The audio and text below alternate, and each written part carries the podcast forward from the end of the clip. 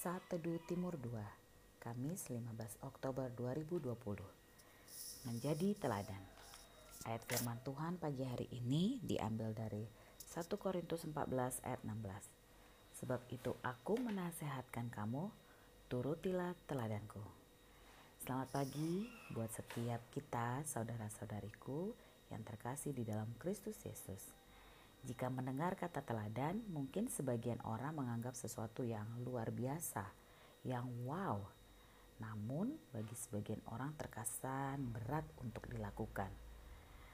Kalau kita mau melihat dari arti katanya dalam Kamus Bahasa Indonesia, teladan adalah sesuatu yang patut ditiru atau baik untuk dicontoh tentang perbuatan, kelakuan, sifat, dan sebagainya.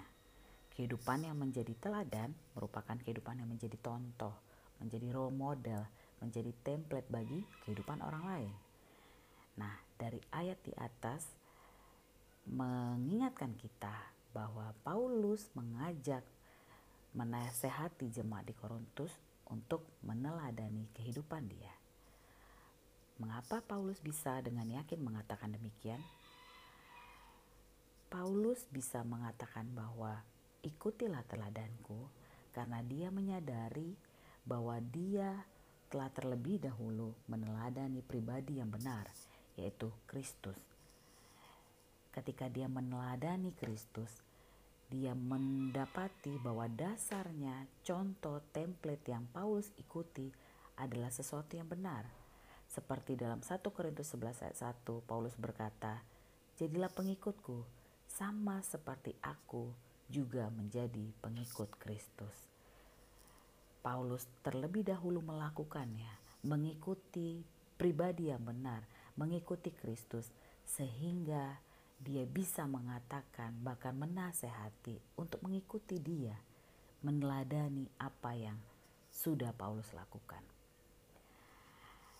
Dari ayat Firman Tuhan pagi hari ini, ada dua hal yang diingatkan. Yang pertama, siapa yang menjadi teladan dalam kehidupan kita?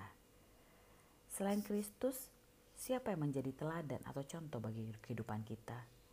Orang tua kita, pemimpin kita, teman kita, atau mungkin seorang tokoh politik, negarawan, atau influencer dengan jutaan follower? Boleh-boleh saja, tapi perlu diingat kembali. Siapakah teladan dari orang tersebut? Nilai-nilai seperti apa yang dipegang, nilai-nilai seperti apa yang diajarkan. Paulus menasihati untuk mengikuti teladan dia karena Paulus meneladani Kristus. Sangat jelas nilai-nilai kehidupan yang dimiliki oleh Paulus yaitu nilai-nilai Kristus. Paulus berjalan dalam kebenaran Tuhan sehingga membawa dia menjadi maksimal bahkan masuk dalam panggilan hidupnya. Yang kedua, hidup yang menjadi teladan. Paulus dalam kehidupannya menjadi teladan dalam banyak hal. Namun pagi hari ini kita mau pelajari dua poin. Yang pertama, apa pun yang Paulus lakukan, dia berorientasi pada jiwa, man oriented. Hal yang pertama menjadi rahasia pelayanan dari Rasul Paulus adalah pelayanan yang berorientasi dan mencintai setiap jiwa yang dipercayakan Tuhan.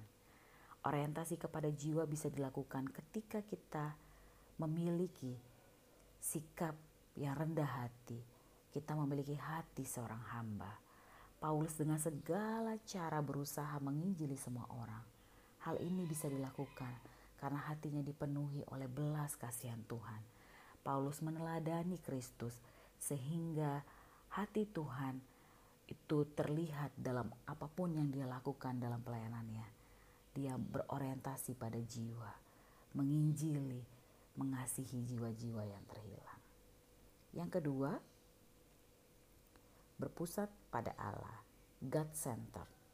Yesus merupakan contoh sempurna yang melakukan kehendak Allah Bapa dengan sempurna.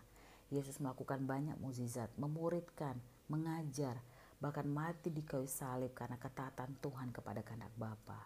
Hal ini juga yang diikuti Paulus dalam kehidupan pribadinya, dalam pelayanan dan pekerjaannya. Mari saudara-saudariku, biar setiap kita menjadi teladan bagi orang-orang di sekeliling kita. baik kita sebagai pelajar, mahasiswa, karyawan, atau pengusaha, ibu rumah tangga, dan lain sebagainya.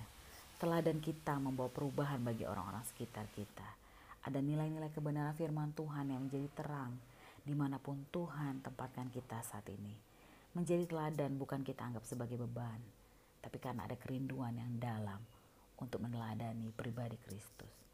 Selamat menikmati hari yang baru, selamat menjadi teladan bagi sekeliling kita. Tuhan Yesus memberkati.